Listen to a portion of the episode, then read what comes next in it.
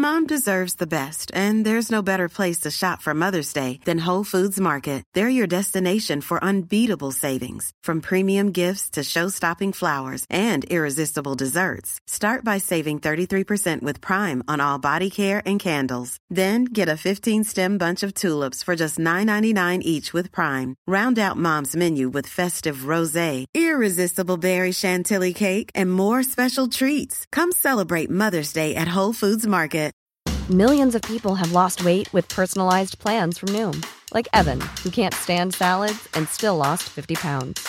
Salads, generally, for most people, are the easy button, right? For me, that wasn't an option. I never really was a salad guy. That's just not who I am. But Noom worked for me. Get your personalized plan today at Noom.com. Real Noom user compensated to provide their story. In four weeks, the typical Noom user can expect to lose one to two pounds per week. Individual results may vary.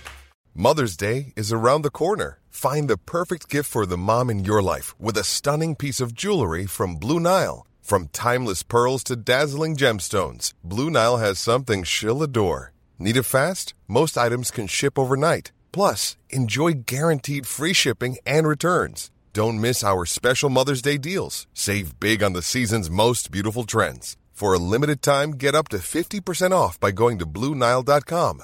That's BlueNile.com. Välkomna till Celestial Podcast. Jag heter Stella Fadell och det är jag som driver den här podden. Här utforskar jag allt inom spiritualitet, ockulta ämnen och andra magiska ting. Enjoy my loves! Idag gästas jag av mina fantastiska poddkollegor Oskar och Fredrik som tillsammans driver Spökpodden. Och idag så ska vi snacka om nordiska väsen och mer specifikt hoppar vi in lite djupare in i drakar, skogsrået och tomtevätter. Har dessa väsen funnits på riktigt eller är de ett resultat av människans fantasi? Vi har ett superhärligt samtal om dessa väsen och vi får även lära känna Spökpodden lite mer på djupet och vi får också veta varför Spökpodden skapades från första början. Superspännande avsnitt. Jag har ju följt Spökpodden ända sedan start och de har ju varit en stor inspiration för mig när det kommer till att starta en podd själv. Så att så kul att ha dem som gäster idag. Men nu tycker jag att vi hoppar in i dagens avsnitt.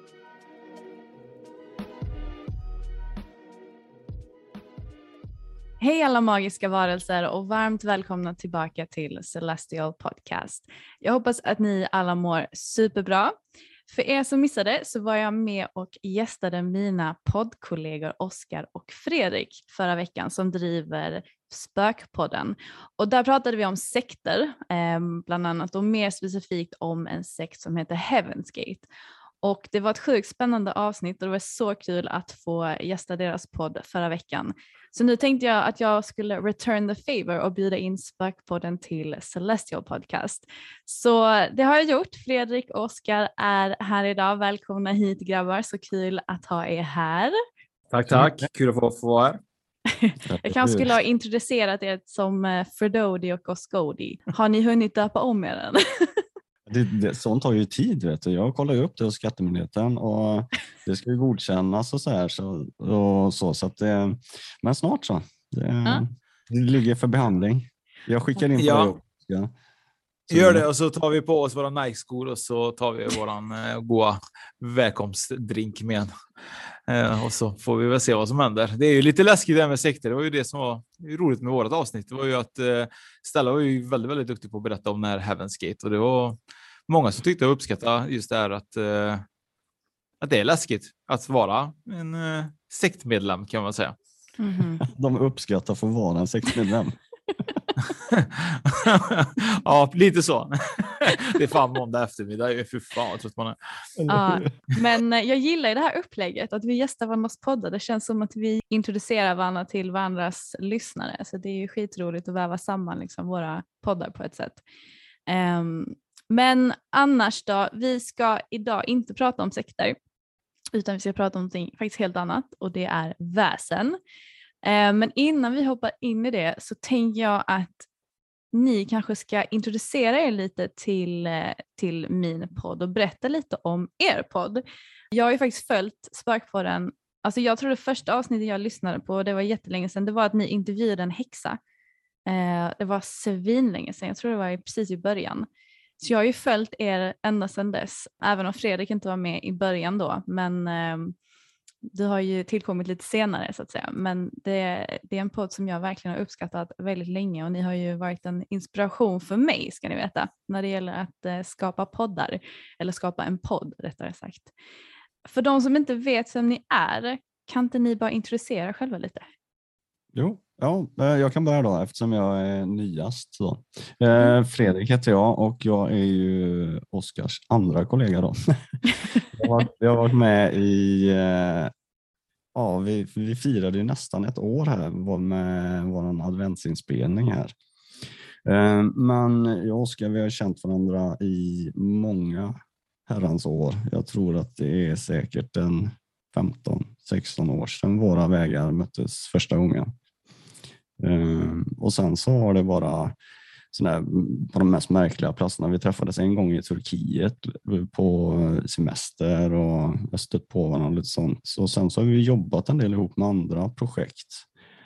Ehm, och sen, ja, det, sen på något vis så, så blev det så här bra. Får man väl säga. Ja, jag vet inte vad du har att tillägga Oskar? Nej, alltså Fredrik är ju, blev ju min andra poddkollega. Det lät ju lite dumt, det lät som att man hade flera ex, typ så. Eh, det är så du jobbar. Ja, det är så jag jobbar.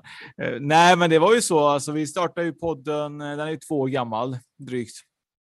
Och eh, vi hade nog lite tur där med våran podd. Jag tror att det var lite det vi pratade om förra gången, är att vi har ju ett bra namn som är Spökpodden och så finns ju självklart Spöktimmen då. Mm. Och det hjälper ju till lite grann. Men sen är det så, vi har ju lite skillnad eh, med eh, Spöktimmen är att de pratar mycket true crimes och lite sådana saker. Vi har ju skapat någonting som jag tror också skapade ringar på vatten för många, bland annat dig då, att du fick lite inspiration att starta en podd. Det var väl att vi började ta upp de här andliga ämnen på, på ett sådant sätt som känns lite mer jordnära som gjorde så att eh, folk tyckte att det var intressant för att det var två vanliga killar som ja, på den tiden då hade vi rätt mycket tatueringar och såg lite tuffare ut än vad vi gör nu kanske. Då. Men, men, eh, men, men eh, det var ju lite mer typ så att det hamnade i en sån där Um, ah, vi stigmatiserade inte riktigt så. Det var lite mer att vi på något sätt pratade ganska naturligt och ställde vanliga Svensson-frågor. Och jag tror att det var mm. det som gjorde att hela podden då också fick en uppsving. Då. Så det var lite kul att du fick lite, lite inspiration ifrån oss då. Ja, men så var det ju för att precis som ni säger, alltså ni är ju inom situationen två vanliga killar som ställer alla de här frågorna. Ni, eh, precis som jag, som jag kände back in the day, det var ju att jag liksom inte är medial. Jag har inte alla de här gåvorna som många andra har och har inte massa coola egna berättelser. Jag kan, jag kan berätta om hur aliens kontaktar mig och jag blir liksom abducted eller att jag träffade mina spirit guides. Alltså jag har ju inget sånt att komma med, eller hade inte då i alla fall. Och då ville jag ju träffa andra eller prata med andra som hade det så jag kunde lära mig och det var det som var så skönt att ni lite grann var i samma, att man kunde verkligen känna igen sig i er ehm, och ni gjorde det så tillgängligt. Så att det var jätteskönt och det är precis därför jag, jag fann inspiration till att själv våga delvis liksom ta steget och bara, ja, men man behöver inte vara någon upplyst liksom, eh, gudinna för att kunna driva en podd utan man kan vara en ganska så vanlig människa eh, och ställa, ställa de rätta frågorna helt enkelt för det är många som är i den situationen också. Och det var så himla kul att följa er för att ni har liksom varit på en sån här upptäckarfas känns det som och att få hänga med liksom i, er, i ert uppvaknande också har varit skitkul. Att, Sen är det ehm, så också att vi, vi har ju också skapat någonting tror jag som inte många poddare gjorde då. Vi försökte ju även då köra väldigt mycket det här med Youtube och ja. åka på lite sådana hemsökta platser och spela in då även då Fredrik var med och, och så vidare. Och det var ju lite det vi, vi gjorde. Vi försökte skapa mer eh, plattformar för att få det här mer tillgängligt. Mm. Eh, så jag tror också att det har eh, bidragit till att vi också har växt rätt, rätt bra. Att vi har skapat eh, både lite video och lite sånt också. Så att det kanske är någonting för dig i framtiden också att göra något sånt. För att du säkert många vänner och så som du kan göra sådana här upptäckter, upptäcktsfärd kan man säga, vad ska man kalla det? Om det här andra sidan och så, så kan du också mm. göra. För det har varit väldigt kul att se dig göra det, för du verkar ju lite mer andlig än vad vi är. I alla fall i ditt sätt att prata i alla fall. Vi är ju ganska, ganska medvetna, men, eh, men du är väldigt så. Jag har ju sett dig på sociala medier och så. Det känns ju ändå som du har ju ändå väldigt mycket att komma med. det har ni också, tro mig. Det känns som att det här är mitt liv. Alltså från stunden jag vaknar tills jag går och lägger mig så sitter jag konstant antingen och följer andra eller kollar på Gaia eller alltså jag kollar Youtube. Alltså du vet, jag, jag, jag är en riktig sökare eh, så att jag, jag vill hela tiden söka svaren på de här frågorna som alltid har hängt med som jag inte har kunnat ställa till min direkta omgivning för att jag har inte haft någon som har varit andlig eller spirituell. Eh, men nu känns det som att det börjar liksom verkligen byggas ett community kring det här där, eh, där fler och fler vågar ta plats och fler och fler vågar liksom uttrycka sig och berätta och dela om sina erfarenheter. Så att eh, det känns skitkul. Men alltså hur, hur, hur började Sparkpodden från första början? För jag vet att som, Fredrik var inte med från första början, men vad, vad var det som gjorde Oskar att du och, alltså, att du och Martin då ville starta den här? Från första början så var det så, vi hade ju en annan podd då som eh, vi började med att jag var ju och gästa en eh, podd för Martin som hette Groomingpodden från början. Mm. För han jobbade på Stay Hard då. Jag, jag sålde ju kläder, mitt varumärke till Stay Hard då. Och, eh, och där gästade jag och sen hörde Martin av sig till mig och frågade om vi skulle starta en podd och då hette den Modenytt och då pratade vi väldigt mycket om mode på den tiden. Eh, för det var någonting vi båda jobbade med. Och sen började vi jobba istället med något som heter okomplicerat och då var det liksom samtal med lite ja, kända och okända människor om eh, lite mer eh, okrystade samtal. Kan jag säga. Det var typ inte krysta, vi pratade om allt möjligt. Och då halkade ju verkligen mycket in på det här andliga. Mm. Och Martin ringde mig en gång och då sa han typ så här, men ska vi inte sälja resor, spökresor? Ska vi inte, ska vi inte köra på det? Sälja biljetter så kan jag åka på lite spökevent med, med lite folk och så. Och då sa jag typ att ja, men det blir lite svårt. Vi har ju ingen målgrupp och så. Mm. Och eh, jag sa, men vi har ju två mickar så vi kan väl egentligen ta och skapa en podd då. Vi kör en spökpodd och så kommer jag ihåg att jag låg i badkaret och så var smsade jag typ någon och bara som vi hade googlat upp typ. Ja, men eh, ska vi inte vara med i en eh, andlig podd typ? Och så fick vi ett svar tillbaka, typ att ja, men det kan man vara med. Vet. Och då var det Diana Wahlborg då, eh, den första personen vi hade podcast med. Då. Mm. Eh, och därifrån så bara gick det. Hade jag skojat, jag skojade då, kommer jag ihåg att jag sa det hemma typ så här till Martin och de som var hemma då. Då sa jag typ att topp top 20 2020 sa och då mm. var ju alla bara ja, men det kommer gå bra, men inte så bra. Du vet, så här. Och sen när vi skulle släppa avsnitt två då, så låg vi topp tre i sex veckor på, på toppen då. Då var det typ så här shit, det här var ju verkligen intressant shit, för många. Och det trodde vi. Ja, det var helt galet alltså. Och wow. efter det så var det nog att det blev bara ringa på vatten. Mm. Eh, att folk tyckte det här andligt, det här med spöken och hur medium jobbar och sånt eh, mm. var intressant och resan har bara fortsatt och eh, nu har ju som sagt Fredrik och jag är jättetacksam att ha honom. Vi connectar ju väldigt bra tillsammans och vi synkar ju väldigt mycket både tankar och sätt att jobba och det känns som att man, alltså jag känner personligen att, att jag och Fredrik eh, har en, eh, ett lätt sätt att jobba i alla fall. Och jag tror att det är väldigt viktigt när man bygger podd att man har en, samma vision och samma mål och driv tillsammans. Då. Så det känns mm. rätt. Så därifrån har vi kört och vi tänker väl köra många år framåt förhoppningsvis. Ja, ja. Eh, vi har ju precis bara startat. Det är ju lite det här sista året så har vi känt på en del grejer och eh, laborera lite grann med ämnen och vi har börjat köra lite fler egna avsnitt och inte ha gäster i varje avsnitt och såna grejer. Mm. Och pröva på lite olika ämnen. Och sen så har vi gjort lite andra grejer också. Vi har varit iväg på retreats och vi kommer åka iväg på fler sådana grejer som vi kommer göra eh, lite Youtube på och även podda om. Eh, och vi ska ju faktiskt ner nu i veckan på sån här eh, um, vad heter det, tidigare liv. Ja, regression, regressionsresa. Precis, regressionsresa. Um, så det, det ska ju bli riktigt spännande att se. Jag vet ju, vi var ju uppe i Stockholm för ja, något halvår sedan och kör, spelade in eh, podd med medium Mattias.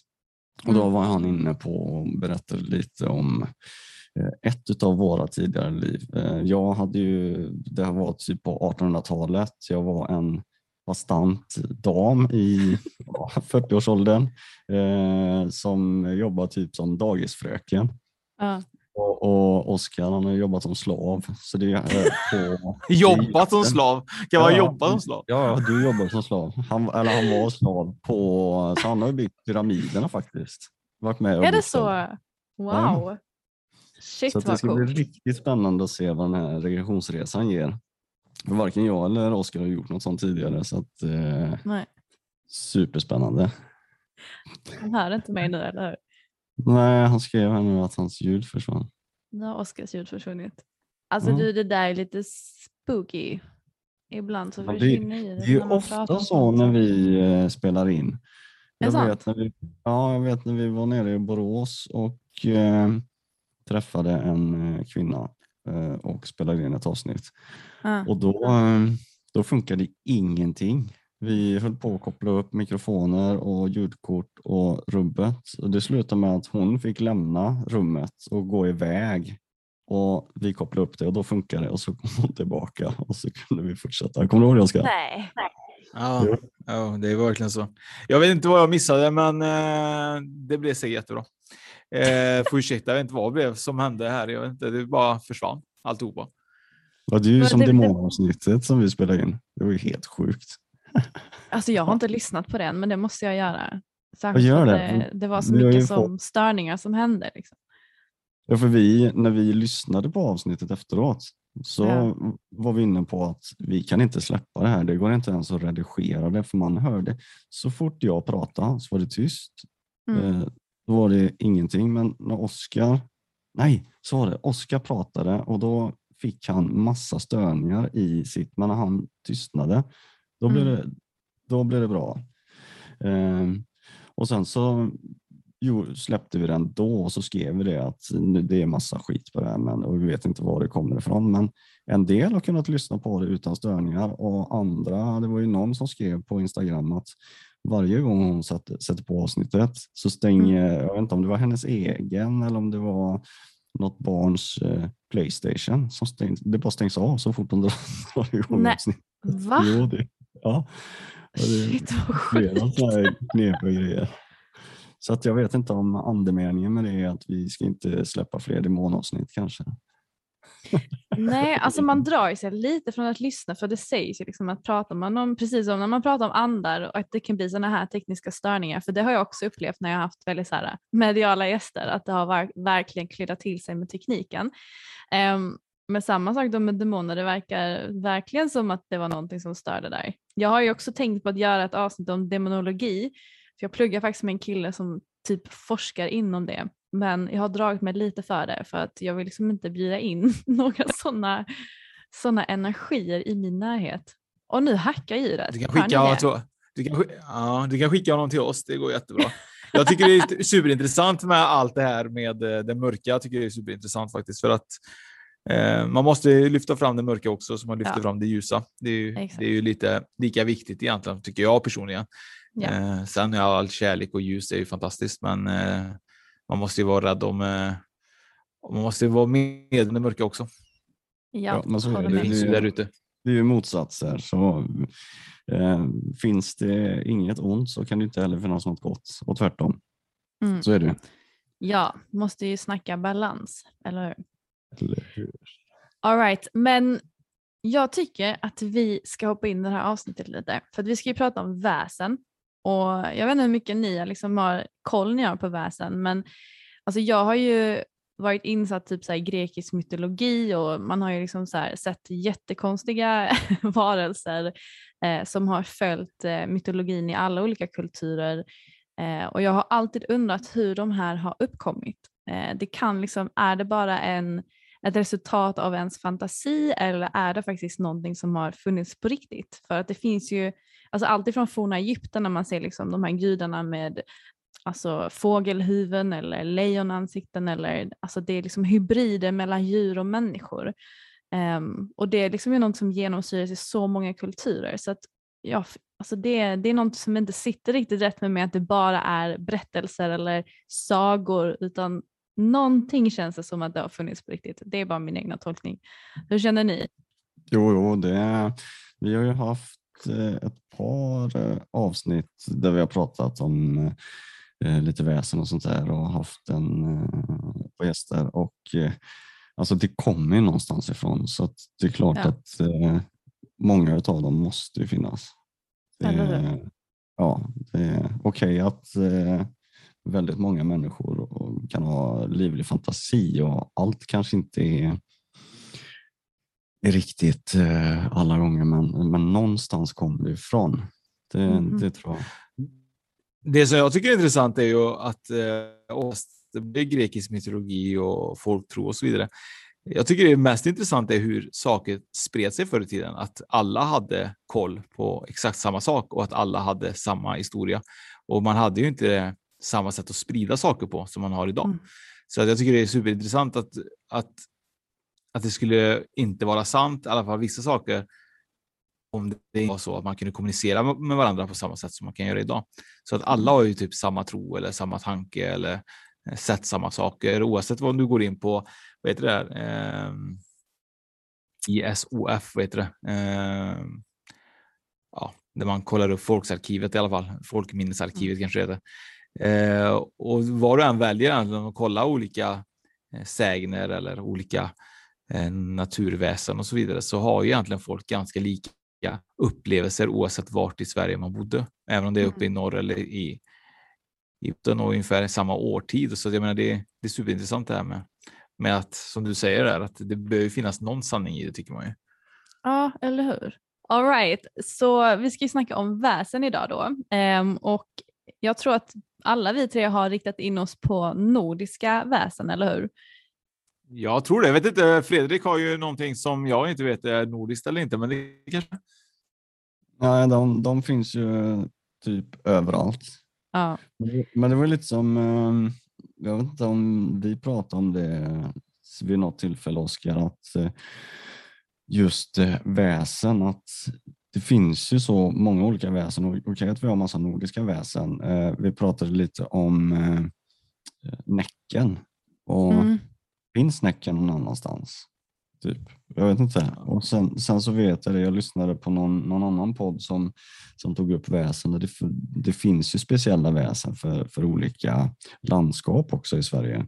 Men sen tänker jag att vi har ju flera väsen som, som finns över hela världen också, som inte är enbart eh, eh, nordiska eller skandinaviska. Och jag kommer ju prata om ett sånt. Då. Men innan vi hoppar in och, eh, och djupdyker lite i de här olika väsenena, hur säger man? Ett väsen, flera väsen, ja så säger man. Vä- Hjärnan funkar så bra idag. Men i alla fall innan vi hoppar in så tänkte jag bara förklara lite hur man beskriver ett väsen helt enkelt. Och Eh, för er som tittar på det här avsnittet så eh, ni kan ju kolla på det här på Youtube som ni, som ni vet. Så har jag en bok hemma som heter Nordiska väsen. Eh, så här ser den ut och den är skriven av Johan Egerkrans. Och den är så fin, påminner ganska mycket om John Bauers sagotolkningar och sättet han skriver och, och berättar om olika sagoväsen. Och i denna så står det en ganska bra förklaring för vad ett väsen är. Så jag tänkte att jag berättar lite om det och sen så får Fredrik och Oskar berätta om sina väsen inledandes då. Eh, väsen det är ju varelser som förekommer som vi precis har pratat om i många olika myter och legender eller som så här, allmänt förekommande i folktro. Och eh, de här skrivs om i massa olika mytologiska berättelser inom många olika kulturer. Men i Irland så pratar man om leprechauns, eh, i USA pratar man om Bigfoot, i England pratar man om feer. Men inom just den nordiska folktron har det funnits mängder av olika övernaturliga väsen varav eh, samtliga ansågs både farliga eh, och snälla. De var lite så här tvådelade. Ehm, så att farliga och användes liksom mest för att varna och skrämma bort folk och framförallt barn ifrån farliga platser. Ehm, Medan en del andra var lite mer vänliga eh, och kunde visa sin hjälpsamhet om man så här, lydde deras råd och behandlade dem väl och gav dem en bit mat eller skänkte en slant till dem. Så att man skulle verkligen behandla de här olika eh, typer av väsen med, med väldigt stor respekt. Och eh, jag tänkte faktiskt läsa ett ett kort stycke här ifrån den här boken. För jag tycker den förklarar ganska bra hur Johan Egerkrans syn på väsen är. Och det lyder så här. Över hela världen och i alla tider har folk varit övertygade om att vi inte är ensamma på jorden. Att det förutom människor och djur finns andra varelser i vår värld, som trots att de kan likna oss är helt väsensskilda. Varelser som inte är mänskliga och inte heller gudomliga, men representerar någonting annat. De har gått under många olika namn och de tar många olika former. Vi kan normalt inte se dem om de inte väljer att visa sig, men de gör sig ständigt påminda. Och när man lämnar bebyggelser och ger sig ut i den mörka skogen infinner sig kanske en känsla av att vara iakttagen. En person som mystiskt försvinner, mjölk som surnar över natten, märkliga ljud på vinden eller ett barn som plötsligt drabbas av en oförklarlig sjukdom är tecken på att det övernaturliga har varit framme. De personifierar naturen i all dess nyckelfullhet och somliga väsen är bokstavligen ett med naturen. Och förr så uppfattades de som en självklar del av världen och påminde människorna om att ha en stor respekt för naturen. Så i likhet med naturen är liksom naturväsen i allmänhet som sagt varken goda eller onda. Men de verkar inte heller anse att, att de här moraliska reglerna som styr oss människor riktigt gäller för dem heller. Så de är så här, som sagt lite tvådelade. Väldigt stolta, väldigt lättstötta, lever efter sina egna regler och känslor. Så som sagt, ett gott råd är att alltid möta dessa väsen med respekt. Och eh, helst ska man heller inte ta någonting ifrån dem eller, eller ta emot en gåva eller vad det nu kan vara, för då hamnade man i deras våld, sades det. Och i den här boken så förklarar Johan, han delar in de här olika typer av väsen i olika kategorier som jag vet att våra tre väsen också tillhör. Den första kategorin heter oknytt som är naturandar med mer eller mindre mänskliga drag. Och där har vi då bland annat som, som eh, Oskar du nämnde Näcken, vi har bäckahästen, tomtar, älvor, troll och så vidare. Sen har vi dragväsen och de här skapades genom magi sägs det och ofta genom en pakt med mörkrets makter och där pratar man om spretas eller bjäror och jag vet inte riktigt vad det är för någonting. Bjära är en eh, hare eller typ en kanin. Aha. Som, Okej. eh, som häxor har skapat via genom att göra ett avtal med djävulen. Typ. Ja. Som skulle sno grannens kors mjölk. Typ så. Ja, det är sant. Jättekonstigt. Ja, men vad bra, då lärde jag mig någonting nytt ännu en gång. Sen har vi någonting som heter hamnskiftare och det är människor som byter skepnad och det är ju då varulvar, manbjörnar och häxor. Sen har vi dödsväsen och detta är ju då andar efter avlidna människor och där tillhör då gengångare, gastar, mylingar och lyktgubbar. Och sen sist men inte minst har vi då odjur och där tillhör drakar, kracken, sjöodjur och så vidare. Så det är liksom de fem olika kategorierna man brukar inom i alla fall nordisk mytologi och nordisk sa nordiska sagoväsen, eh, att man delar in dem i de fem olika grupperna eller kategorierna. Men nu är jag nyfiken grabbar, vad ska ni prata om idag? Det är tyst här. det, det, jag, jag tänkte jag skulle prata om eh, typ tomtar och vett. Eh, I alla fall. Ja, tomtevätte säger då. Eh, Har väl olika namn. Och jag ska prata lite om drakar. Drakar. Det- Men det är också sjukt för att alla de här, liksom, det är många sagoväsen som är med i de här fantasyberättelserna, typ Sagan om ringen, The Hobbit, Game of Thrones, så man ser dem ändå ta form i olika liksom, filmer, vilket är ganska coolt. Mm. De som du nämnde där, det är ju elaka drakar. Det finns ju snälla drakar också. Eh, Mitt första drakminne är eh, en eh, sagobok som min Mm. pappa läste för mig som hette Peter och draken Elliot. Just Och det är en, en barnbok från 1976. Och sen så, sen den, en annan väldigt känd snäll drake, det är ju han, vad heter han, i Neverending Story. Den snälla draken där som flyger. Eh, Den vita pälsiga draken som ser ut som vet du, Stallas hund typ. Men Ja. betydligt mycket längre. längre. Falco heter han. Eh, Drakar då, det, har de verkligen funnits? Tror ni? Det, Ja. det är ju det med, med väsen. Har de funnits eller har de inte funnits? Och, eh, kan man bevisa väsen? Det är ju också lite intressant. Sådär. Så att, eh, Mhm. Men mycket tyder ju på att drakar eh, länge betraktades som verkliga djur. Sen är de det eller inte, det, det får vi se då. Och, eh, i, I många så kallade bestiarier eller didaktiska medeltida texter med rötter från 100 eh, efter Kristus så förekommer drakar i de här böckerna vid sidan av hundar och lejon och elefanter och sådär.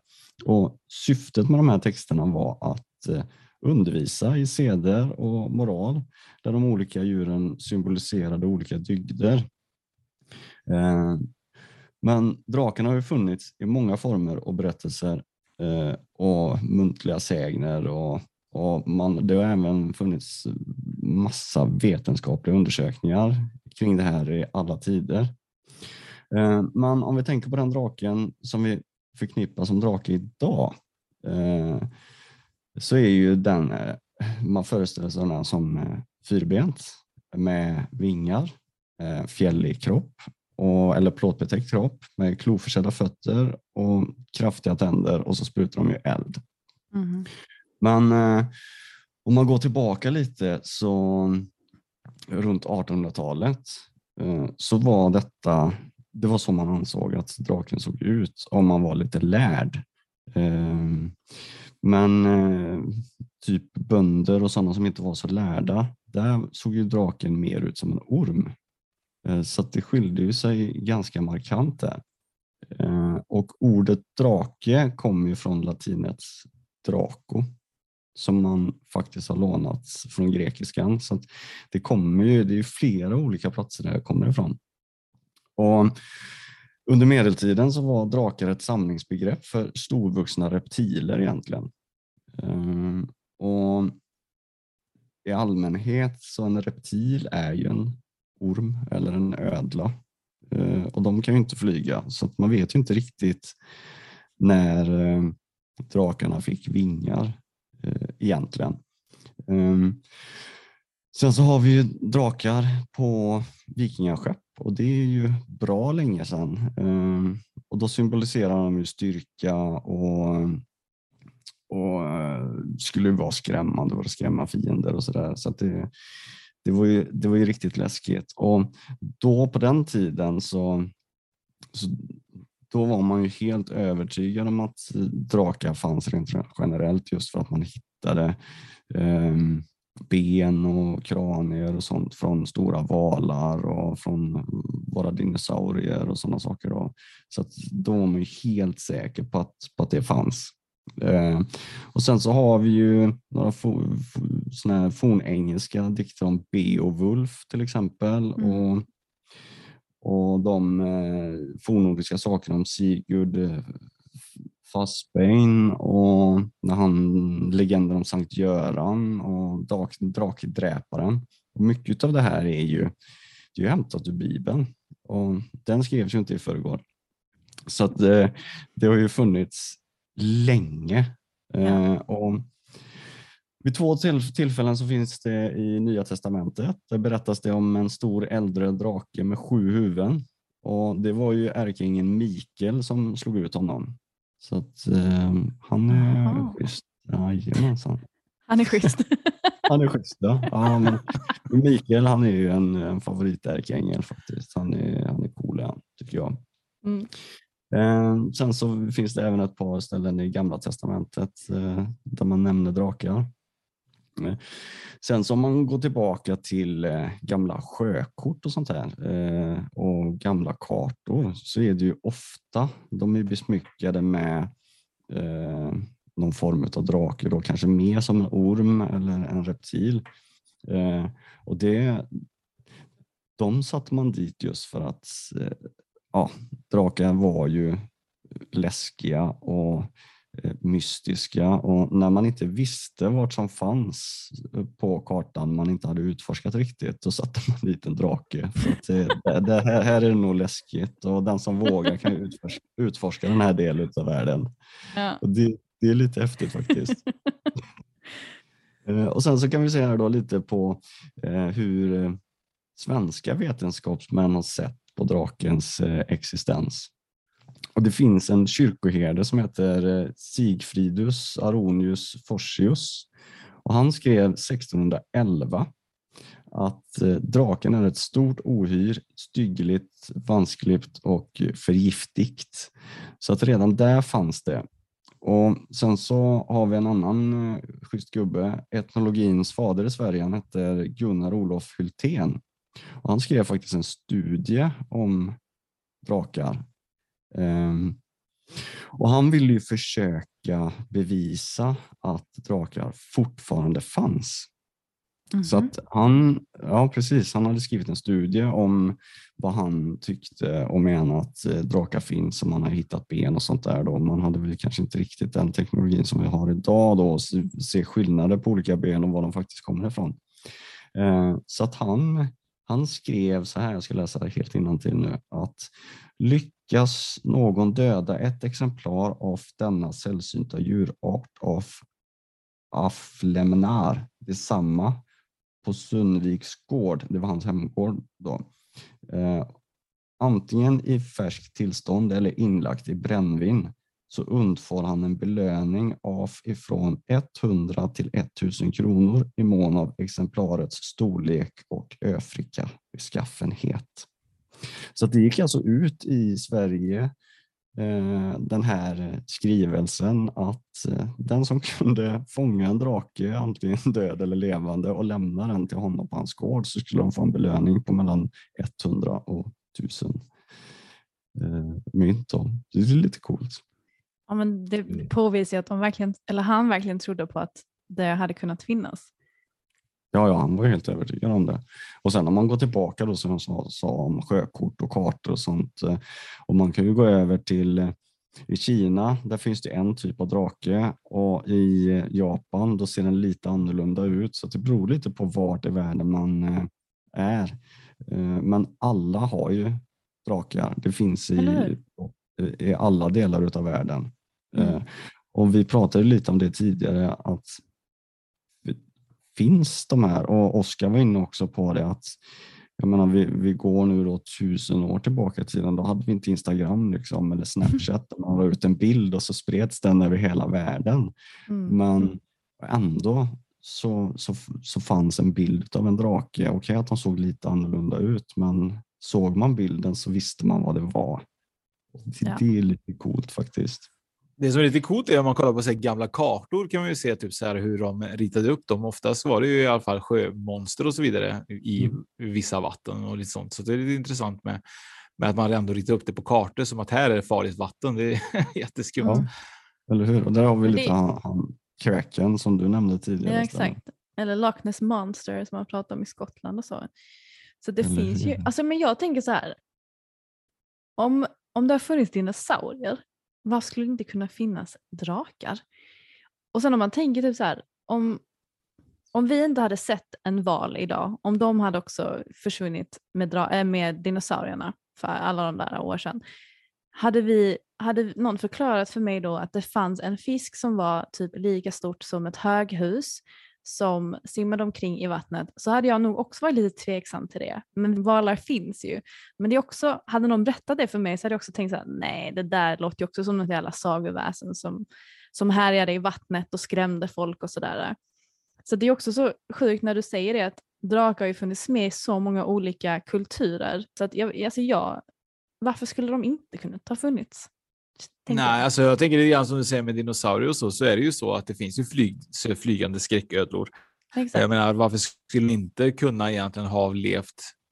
Om man tänker på krokodilen, den lever ju fortfarande än idag. Det är ju vårt äldsta djur egentligen, om man ja. skulle gå tillbaka till att det är mest likt dinosaurierna och så vidare. Så jag menar, det skulle kunna funnits något djur som har levt ända in till när människan började leva. Exakt. och som såg ut som en, som en drake. Och jag menar, det, man vet ju inte om han sprutade eld eller inte, men jag menar, det kan ju varit så att han hade något gift eller vad som helst för att försvara ja. sig. Så att, jag menar, det är inte omöjligt. Nej, det är lite som du säger där just med krokodilen och sen en del eh, forskare säger det att eh, um, det kanske kommer från komodovaranen också, för den är ju Mm. också lite draklik och den är ju giftig. Den sprutar ju inte någon eld, men den, den har ju så jävla mycket bakterier och skit i munnen så Mhm. att eh, blir du biten utav den så är du ju nästan körd. Ja. Eh, Så det finns ju många djur eller eh, ja, väsen är det ju inte, men, men som påminner om drakar. Så att, Eh, det kan ju ha funnits och det kan ju lika gärna vara en, eh, för du nämnde det tidigare, det där också, att, och lite som vi har pratat om tidigare Oskar, att väsen, många av de här väsena som, som finns fanns ju till för att hålla, eh, jag ska inte säga befolkningen i schack, men alltså man, man skrämde barn för att inte gå dit och på något vis så fick man ju ett grepp om befolkningen, att man ska vara försiktig, man ska vara snäll, man ska inte reta upp och så vidare för då Mm. kommer den och är man inte snäll så kommer inte tomten och eh, gör man inte si så, så blir det så och så där. Så det, är- det är ju lite så. Men sen så, vi har en liten kul grej här också. Från, på 1870-talet så har man hittat en skrift i Västergötland där det står så här att när tuppen är tio år gammal så värper han ett ägg och får han ligga ut det ägget så kommer det där ur en drake som är farligast utav alla. Så att, Ja, eh, det är dags att lägga ägg då Fredrik. det är tuppen som är drakens fader. Det var ju så random. Ja, det var jätterandom. Ja. Men vad bra. Ja, men precis. Och sen var, var kommer det ifrån liksom? Ja, det är... Ja, jag vet Ja, inte. det- Fråga Stella, hon kan det. Nej. Men jag tänker också typ så här, nu när jag tänker efter, nu hamnar jag så här, i det här träsket av konstiga djur. Men typ om någon hade förklarat för mig om vad en bläckfisk var, jag har aldrig hade sett en bläckfisk. Typ så här, åtta ben och kan ändra färg och form och allt möjligt. Alltså det är så här, det har också varit, va? Jättekonstigt. Sjöodjur hade jag tänkt. Mm. Så när vi pratar om havets djup och så vidare, alltså jag blir tokig på sånt. För att jag menar, om vi kollar på havets djup, om man går och vänder på våran våra högsta bergstopp om man säger så, som finns. Eh, det är inte, når ju inte ens till eh, våra djupaste vatten. Så att jag menar, det är väldigt, väldigt mycket som finns där nere som vi inte vet om och det tycker jag är superläskigt att vi har så Ja. outforskat nere på. Och det är så intressant. Man har liksom outforskat så mycket i havets djup, men man väljer att åka upp till rymden utanför Ja. våran planet och ta reda på mer. Men när det finns så mycket att ta reda på här nere. Och ja, det är läskigt. Det kan finnas enorma eh, valar och drakar där nere, vem vet? Ja, det gör ju det. Det är därför de inte åker dit, för att då får vi alltid bekräftat. Draken är fortfarande ut, utplacerad på våra kartor så att vi, vi håller oss därifrån. hur? Kanske är så. Kanske är så enkelt. Jajamensan. Så att, eh, nej, det var väl, eh, alltså jag kan ju prata hur länge som helst om drakar, men eftersom Mm. vi var tre, eh, det- eller är tre och ni också kan hinna prata lite grann, så, så kan väl jag avrunda lite grann där. För, eh, ja, förutom då, som vi pratade om tidigare, Falkor då i, i den oändliga historien och draken Elliot. Och, sen har vi draktränaren, eh, Ja. animerad serie. Det finns ju mycket med snälla drakar också, så man får inte glömma bort det. Att drakar behöver inte vara elaka, utan det Mhm. finns Nej. många, många schyssta också. Ja, men det finns Ja. goda och onda precis som människor Mm. och allt annat. Och sen, jo, det, det måste jag säga också, att eh, drakar är ju en av de, eh, jag ska inte säga äldsta, men nästan eh, motiven för tatueringar. Om man, om man Ah. bortser från sjöjungfrur och yppiga damer då kanske. Men an- annars så är draken, den har funnits, eh, jag ska inte säga så länge man kan tatuera, men i princip det är ett, ett av de äldsta och kanske inte vanligaste motiven idag, men, men ser man någon som har lite fler tatueringar så det är många som har drakar eller drakliknande figurer på sig. Mm. Ja, det är sant. Nu vet jag inte vad du har för tatueringar, eh, Oskar. Du sa att du hade fler tatueringar förr än vad du har nu, men Inga drakar. Det, det, det var sånt som jag hoppade faktiskt på 90-talet. Drakar och tribals, det var ingenting jag gjorde. Nej. Eh, nej, jag vet inte. Jag tycker att du har blivit den värsta drakexperten här Fredrik. Jag vet inte. det blir svårt att toppa den här drakexperten eh, Fredrik Kopp. Eh, jag, jag får nog säga så här. Jag tyckte jag hade lite svårt att välja vad jag ville prata om kände jag. Men eh, igår satt jag och kollade på lite Youtube och lite sånt och så fastnade jag för någonting som var ganska roligt eh, som jag hade hört förr, men jag hade glömt det och eh, Började kolla på trädgårdstomtens historia. Det var lite roligt. Eh, men det är ingenting jag tänkte jag skulle... Då vet vi vad du ja. sysslar med på kvällarna, Oskar. Har ni sett eh, Oskars trädgård? Eller jag funderar på om vi ska lägga ut en bild på den. Han har hur mycket tomtar och grejer som helst där ute och. Ja, ja. Ja, helt galet. uh, nej, men det är ganska intressant. Alltså. Det som är roligt var ju att man började tidigt med trädgårdstomtar egentligen och jag ska inte dra historien om den. Uh, men på 1700-talet så började man eh, skapa trädgårdstomtar till vanliga hushåll.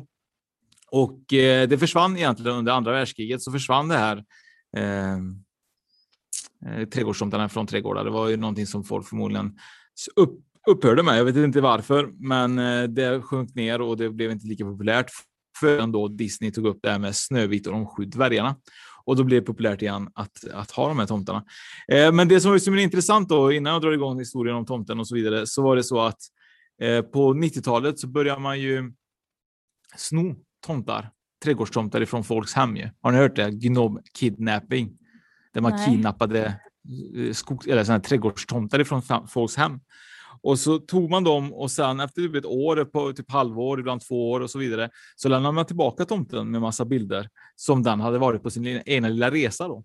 Så, att, eh, så att då var det ganska intressant, för då var det i alla fall ett fall då 2018, en kvinna i Kanada som hade haft en trädgårdstomte. Eh, och det var det senaste fallet då. Och eh, hon var ju självklart upprörd att hennes lilla trädgårdstomte var borta, men efter ett år så dök den upp då. Den hängde i, runt en väska eh, vid hennes staket. Och i den väskan låg även en fotobok, då, en tjock fotobok som man, eh, som man kan ja, beställa. Då. Och där hade han ju då, den här tomten tagit lite bilder på sig själv då, när han var på Grand Canyon, Mexico City och drack margaritas och låg och badade i, i stranden och så. Så kom han tillbaka med lite, med lite brev då och berättade att han haft en jättefin semester och så vidare. Och det här tyckte jag var så jävla roligt. så det är faktiskt jättekul.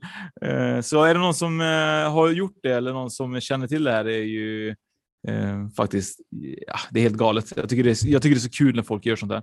Eh, och det var egentligen då jag valde att prata om, om eh, trädgårdstomtar, inte säga, men vet du, den tomtevätten eh, som vi kallar den då, mm. Eh, som man har ibland i, i sina gårdar. Och eh, jag vet inte, hade du hört om detta Stella? Alltså att de åkte på semester? Ja, precis. Nej, men jag tyckte det var ju supergulligt. Ja, Då måste du nästan det... ställa ut, jag vet inte om du också har, nej just det, du bor i lägenhet nu Fredrik, men ja, eh, då får du nästan ställa ut lite tomtar Oskar och hoppas på att de får åka på någon härlig semester. Ja, är det du som kommer komma förbi då och hämta upp dem då? Ta med dem hem. Uh, nej, men jag tycker det var jättekul och det är faktiskt ganska charmig historia att folk gör så. Jag menar, de lämnar ja. ändå tillbaka dem, men det är kul ändå att de tar med sig dem och uh, tar med dem på lite uppfärdsresa uh, om inte annat. Mm. Uh, men tomt, ja. Bara åka med tomter på en halv meter till Mexiko överallt och ha med sig den. Det är, det är fan engagerat. Är det. Ja, det är riktigt engagerat. Jag tänkte, eh, kan de inte ha fot photoshoppat? Nej, det ser inte ut så. Det ser verkligen ut som att det är riktigt, eh, riktigt tagna bilder, men man vet ju aldrig. Eh, det är jävligt kul när man ser tomten stå bredvid ett stort glas margarita. Liksom. Det ser jävligt konstigt eh, Men i alla fall tomten då, det är ju någonting som vi i Sverige har haft eh, bland annat eh, i många hundratals år som folk har sett den här lilla så kallade tomtevätten då, som är ett par sex decimeter lång cirkus. Liksom. Eh, men i Skåne och Danmark och Norge så säger man, kallar man den för Nisse eller Goa-Nisse. Och eh, vi har även på svenska något som heter Puke som är en liten småjävul, men det har vi inte tänkt prata om idag. Eh, jag vet att du Fredrik har ju haft en liten hustomte, vad du tror, i din, din gamla gård. Ja, ja. Eh, vi hade ju det. Och eh, det är ofta så att eh, den här tomten då, som kallas för skuggbonde, då, det är ju oftast den som har haft och skapat gården från början, som har svårt att släppa sin gård. Och den kommer inte till ro efter döden och därför hänger den kvar då. Och den vill ju självklart se till att hans gård eh, är alltid tipptopp och att djuren mår bra och att stallet och laddgården alltid är på, på sitt bästa jag kan man väl säga. Typ djuren ska må bra och hit och dit och bla bla bla. Eh, och eh, oftast är det en äldre man som eh, har en, eh, eh, vit skägg, gråa kläder och luva. Jag vet inte varför det är så att den här mannen som har gått bort då eh, väljer att ta på sig de här kläderna. Men det, det, det är lite underligt tycker jag. Men alla tar på sig samma toppluva. Eh, det är väldigt viktigt då som du snackade om förut då, Stella, att eh, man får inte förarga de här väsen. De har ju väldigt, eh, väldigt mycket temperament. Det finns historier om att, eh, att de är ganska vresiga och om man inte gav dem eh, socker på gröten till exempel så blev de jätte, jättearga.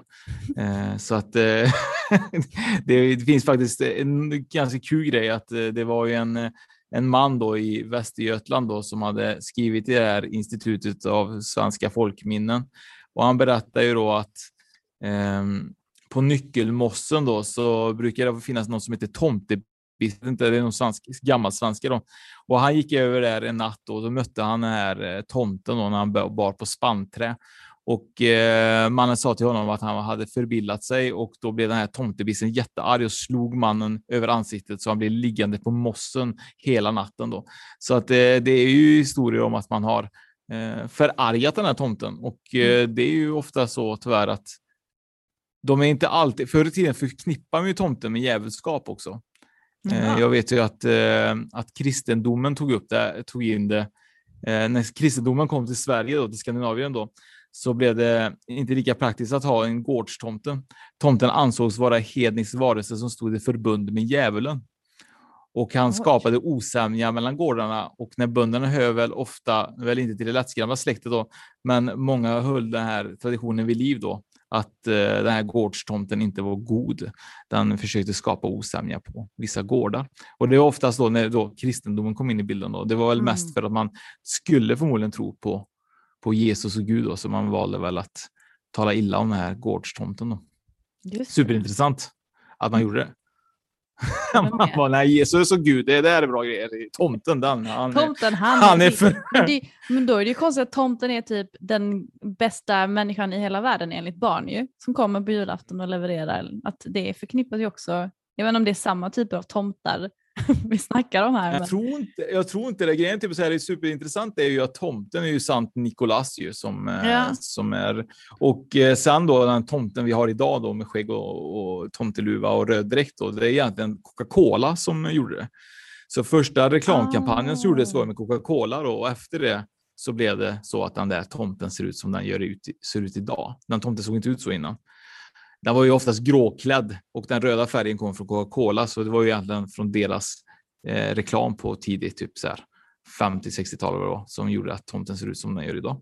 Bara en liten sidoparentes. Eh, men det är inte samma tomte tror jag inte. Eh, tror jag inte. så att, eh, men oftast då så traditionen var i alla fall att man hade eh, att de här tomterna bodde i, i ett träd eller ett under ett träd och eh, för att man då skulle liksom ta bort sjukdom eh, eller olyckor från hemmet och boskapen och så vidare så finns det eh, uppteckningar att man hällde öl och mjölk i, i vissa träds rötter. Då. Särskilt de stora eh, träden som fanns på gården för man trodde oftast det var där de bodde. Då. Mm. Eh, jag tycker det är superintressant det med tomtar och vättar och eh, husbonde och hit och dit. Jag vet att Fredrik, eh, vi har ju pratat om det tidigare, ni hade ju bland annat den här trollflätan bland annat som många pratar om på sina hästar. Mm, ah, ja, vad är det? Hade, jo, det är en, en form av fläta som man hittar i, på hästar i manen eller i svansen på dem. Och det kallas för trollfläta och det är en del säger att det är hustomten eller gårdstomten som eh, tar hand om djuren. Då. För vi hade ju stall och hästar eh, på gården som vi sålde då innan vi flyttade till lägenheten. Det, jag tror det är i alla fall ett par gånger som vi kom ut och hittade sådana här trollflätor på, på våra hästar. Nej, ja. är det sant? Men vänta, mm. det, ni la ut en bild på det för ett tag sedan, eller hur? På Instagram? Mm. Ja, man, det var länge sedan, men ja, det, ja, det var en stund sedan, absolut. Just att, eh, det. Och sen en, en, en liten annan rolig grej med de här gårdstomtarna och hustomtarna, det är det att precis som Oskar säger så kunde de bli väldigt arga om de inte fick eh, socker på gröten och sådana här saker. Men sen så var man också väldigt, eh, man var, tvungen att vara väldigt försiktig med att inte vara för snäll. För var man för snäll mot tomtarna och kanske gav dem nya kläder och lite sådana här saker, då kunde de bli så jävla malliga så att eh, eh de stack från gården. För att de mm. var lite för fina för att vara kvar. Så att det var, man var tvungen att hitta en balans mellan det här att eh, eh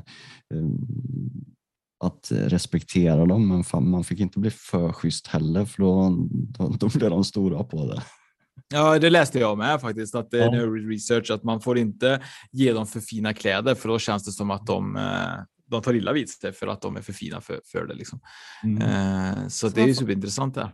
Man får inte förarga och man får inte, för, eh, man får inte heller fjäska verkar det som. Nej, precis. Men vad ska vi göra då? Okej, okay, men ska vi röra oss vidare då mot, eh, mot det sista, oh, nej, det sista väsnet, vad säger man? Den sista Naturväsenet. Serväs. Serväs. Det sista väsenet, eh, ingen aning om man säger så, men ja, ni fattar. Och jag ska snacka om eh, ett väsen som eh, är ganska känt, ett av de mest kända tror jag, eh, om man är insatt i nordiska väsen och det är ju skogsrån. Är det någonting ni har hört talas om? Nej, jag tänker alltid på så här, vet du när jag hör det ordet så tänker jag alltid på sån här smörgåsrån. Nej, inte Smörgåsrån? Jag trodde du skulle säga rådjur eller något sånt där. Men... Ja, och när du tänker på transmedium så tänker du på transsexuella. Det är... ja. ja, jag vet, min hjärna funkar så. Det vet jag inte varför. Jag tänker alltid på transvestiter och tänker på transmedium. Det är så jävla galet. Mm. Men ett rå i alla fall, eller en rådare som det också kan kallas, är, eh, eller var ett väsen, jag vet inte om de finns fortfarande, kanske de gör, som rådde och hade makt över en specifik plats och som man skulle hålla sig väldigt vänlig med, som, precis som alla andra väsen vi har pratat om. Och eh, rået var ofta en kvinna och det finns lite olika typer av rån. Det finns skogsrån, bergsrån, sjörån, gruvrån. Ni kanske har hört talas om, om några av dessa. Men skogsrån är eh, som namnet antyder den som rår över skogen, alltså en härskarinna över de varelserna som bor i skogen. Och eh, hon har ju lite andra namn också, kallas även för skogsfrun eller rondan. Um, och den vanligaste bilden man har av skogsrået idag, det var att hon var en väldigt vacker ung kvinna med långt hår. Um, bara det att när hon vände sig med ryggen mot så hade hon en helt ihålig rygg som, som sades likna som en rutten trädstam. Hon kunde ibland till och med ha en svans eller bockfötter. Och det berodde lite på vart i Sverige man pratade om skogsrået. Precis som vi nämnde i början så, så kunde de se lite annorlunda ut beroende på om det var norrut eller söderut man pratade om, om det här eh, skogsrået. Då. Um, ibland så berättas det också om att hon hade väldigt stora hängande bröst som hon eh, slängde över axeln när hon behövde ta sig fram. um, Läckert. Ja, så jävla sexigt. Och hon kunde även uppträda som en ful äldre kvinna. Och det här grejen med liksom många av de här uh, olika typer av uh, vä alltså väsen och, och rå och sådär, det är ju att de, de var ju eh, shapeshifters. Så de kunde liksom ändra skepnader beroende på vad de ville framställas som eh, och vad målet var med mötet med liksom människan eh, var. Så eh, det finns ju många berättelser om skogsrået, skogsrået som sagt och ehm, det har ju även talats om att rået har varit av manlig karaktär ehm, och har fortsatt vara så bland annat hos eh, samerna tror jag. Men i Sverige så har det liksom då ändrats till att, att skogsrået är en kvinna. Och det finns en intressant teori också till varför föreställningen av skogsrået har ändrats från manligt till kvinnligt. Och en förklaring till detta skulle vara då att eh, Alltså förr i tiden så var det väldigt vanligt att, att, eh, att man jobbade som jägare eller kolare eller skogshuggare. Alltså det var mycket så skogsarbete um, som gjorde att man fick jobba långa dagar, långa nätter och ofta fick man eh, även sova över i skogen. Man tände en eld och sen så ja, satt man där i sin förtvivlan med lite mat och var helt genomfrusen och eh, tyckte synd om sig själv. Så av längtan då efter kvinnligt sällskap så, så bildades liksom en fantasi eller en slags dröm om skogsrån. Eh, och det skapades liksom föreställning om att hon var den här vackra kvinnan och man kan väl säga typ att skogsrån, den här liksom mer erotiska och förföriska bilden har liksom fötts ur eh, kåta ensamma mäns hallucinationer på kvällskvisten. Som sitter på en stubbe typ. ja exakt. Så, men, men det här passade ju ganska så bra eftersom det sades att skogsrået var väldigt kärlekskrank. Och kärlekskrank är ett finare äldre ord för att vara kåt. Och hon var även väldigt sällskapssjuk och eh, uppvaktade gärna män som vistades i skogen, så det passade ju bra. Så ensamma män sades leva väldigt farligt då skogsrået kunde förvirra dem så att de gick vilse i skogen. Och eh, en av hennes egenskaper var att som sagt hon kunde ändra skepnad. Så att eh, det hon gjorde var att hon lockade in en person eller en man långt in i skogen. Och sen så sades det att hon, eh, hon alltså brast ut i sånt här hånfullt skratt och sen så försvann hon. Så att de här personerna alltså gick vilse och bara gick i cirklar helt enkelt och hittade inte ut. Och hon sa även kunde förvränga synen. Så att eh, att eh, de, såg, de såg bara skog och de kom liksom inte ur, ur skogen. Så man, man skulle liksom, innan man gick in i skogen så skulle man helst liksom slänga ett mynt över axeln eller lämna lite tobak eller liksom lämna lite mat så att man offererade någonting så att då hamnade man lite på god fot med den här skogsrån direkt. Um, och jag sa ju då, alltså vi pratade om det här att, att förr i tiden så trodde man ju stenhårt på väsen. Eh, det var liksom en naturlig del av livet och skogsrået kunde ju då till och med bilda familjer med, eh, med de här männen, alltså de fick barn med dem. Eh, och detta var ju liksom någonting som talades om mycket på 600-talet. Och det gick så långt och man trodde på det här så hårt att på 600-talet så kunde man faktiskt bli dömd till döden om eh, man troddes ha haft ett kärleksfullt möte med ett skogsrå. Så det var ju någonting man faktiskt kunde bli bestraffad för på riktigt i samhället. Eh, Sjukt. Eller hur? Ganska sjukt. Men när man pratar liksom om skogsråd så handlar ju mycket av de här berättelserna om att liksom försöka överlista henne på något sätt. Um, och, det, och det sades att man aldrig någonsin fick avslöja sitt riktiga namn för henne. För att då skulle hon liksom fånga in en i, sin, liksom, i sina ägor direkt. Och om man råkade berätta sitt namn för skogsrået Ehm, så, fick de, så fick hon liksom makt över den personen direkt. Sen fanns det ett annat sätt och det var att man skulle så vända eh, sin jacka eller ett klädesplagg in och ut eller så bak och fram och då så skulle inte skogsrået kunna ge sig på en heller av någon anledning. Ingen aning varför. Men eh, man skulle ju vara snäll då. Hon kunde liksom bara genom att till exempel titta på ett gevär eller en människa kunde hon antingen ge dem en blessing, att de skulle få mycket eh, jägarlycka eller att de inte skulle kunna eh, skjuta någonting alls. Men det finns ju massa, massa olika sådana här eh, berättelser om de här olika rådarna, eller vad man ska säga. Och det som jag tycker är lite intressant är att varenda en är typ en vacker ung dam som är väldigt förförisk och vill eh, förföra män i skogen eller vid vattnet eller någon annanstans i naturen. Så det har liksom verkligen byggts upp föreställningar kring att, jag vet inte om det är där liksom det här med att byggt upp att det liksom var syndigt att kvinnor var på det sättet. För det, det är någonting som jag ser liksom genomsyrar de här berättelserna ganska mycket, de som jag har läst om i alla fall. Eller så är det att vi män är syndiga för att vi är så kåta. Det kan ju vara så också. Så att... Hon var ju Därför lika, vi bestraffas. Hon var ju lika kåt ju. ja, men vi skulle ju straffas och dö för det ju. ja, ja, det är sant. Ja, det slapp ju hon göra i alla fall. ja, hon, hon, skulle ju skada männen för att de verkligen var det, så det är ju lite. Ja. Kanske var det man ville göra. Så det var skogsrået. Vad tycker ni om jag henne? Tycker, jag tycker hon låter het. Jag tycker hon låter fin. Förutom när hon springer med brösten på ryggen. Då. Det är typ den enda gången jag känner typ att hon kanske kan. Det var där, det var där hon tapp, du tappade det.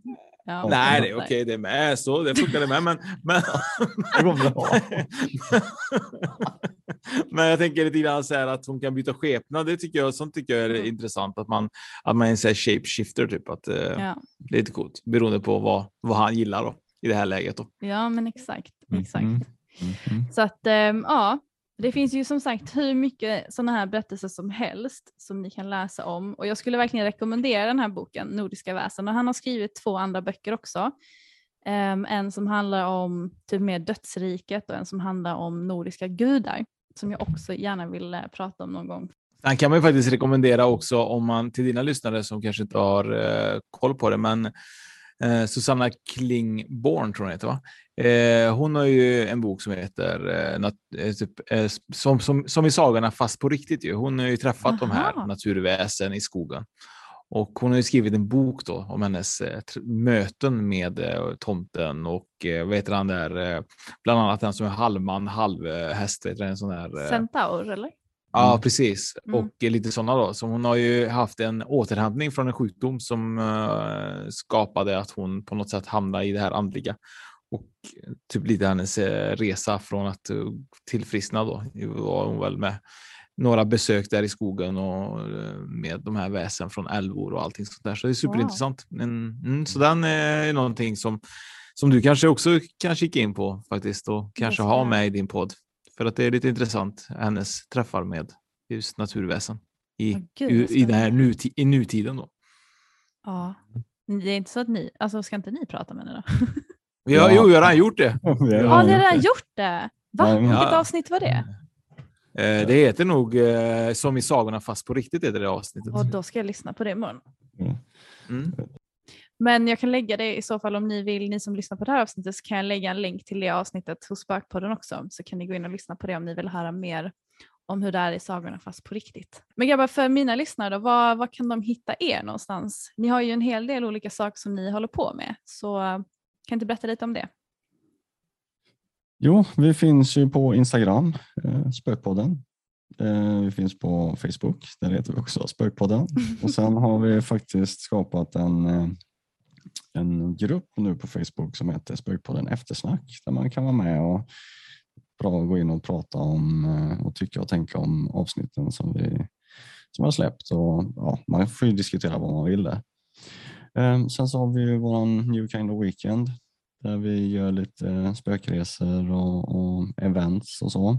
Sen ehm, ja, seans online har vi också där eh, man kan gå på seans på nätet utan att behöva lämna huset. Så om man aldrig har varit på seans så kan det vara ett första steg och se vad det är, vad det handlar om. Um, det, är, är det, har jag missat något eller?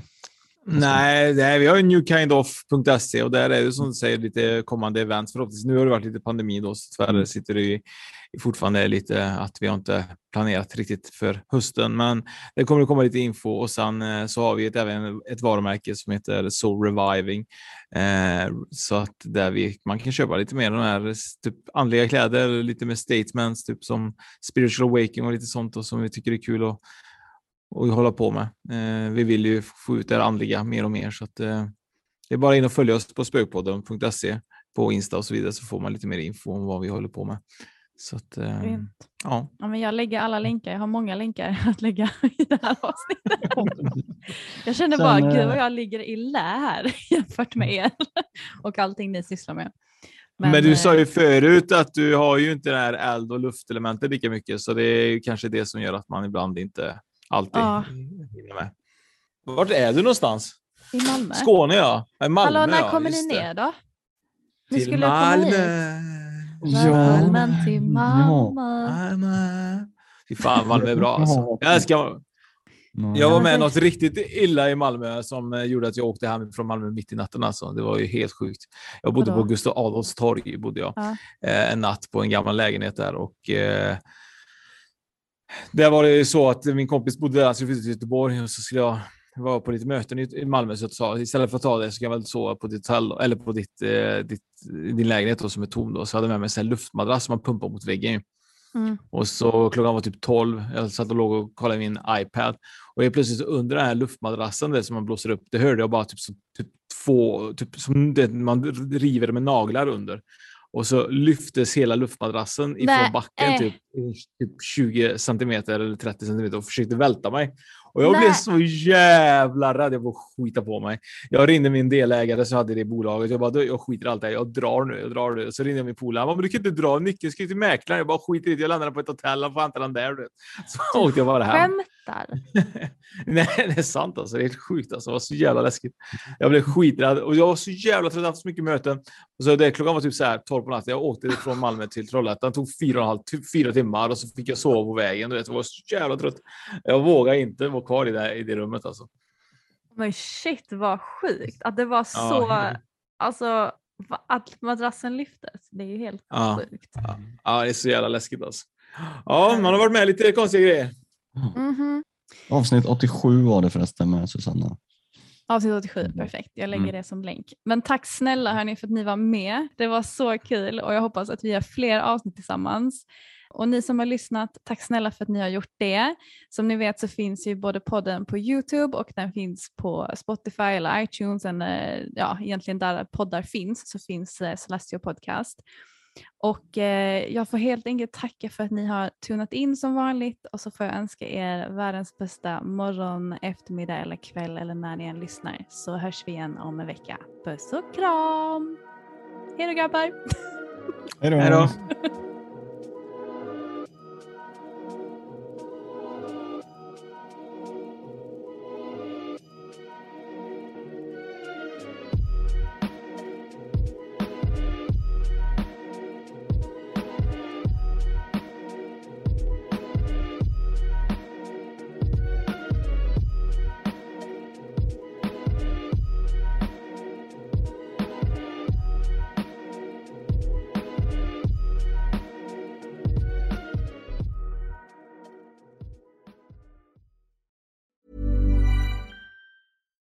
When you make decisions for your company, you look for the no brainers. And if you have a lot of mailing to do, stamps.com is the ultimate no brainer. It streamlines your processes to make your business more efficient, which makes you less busy.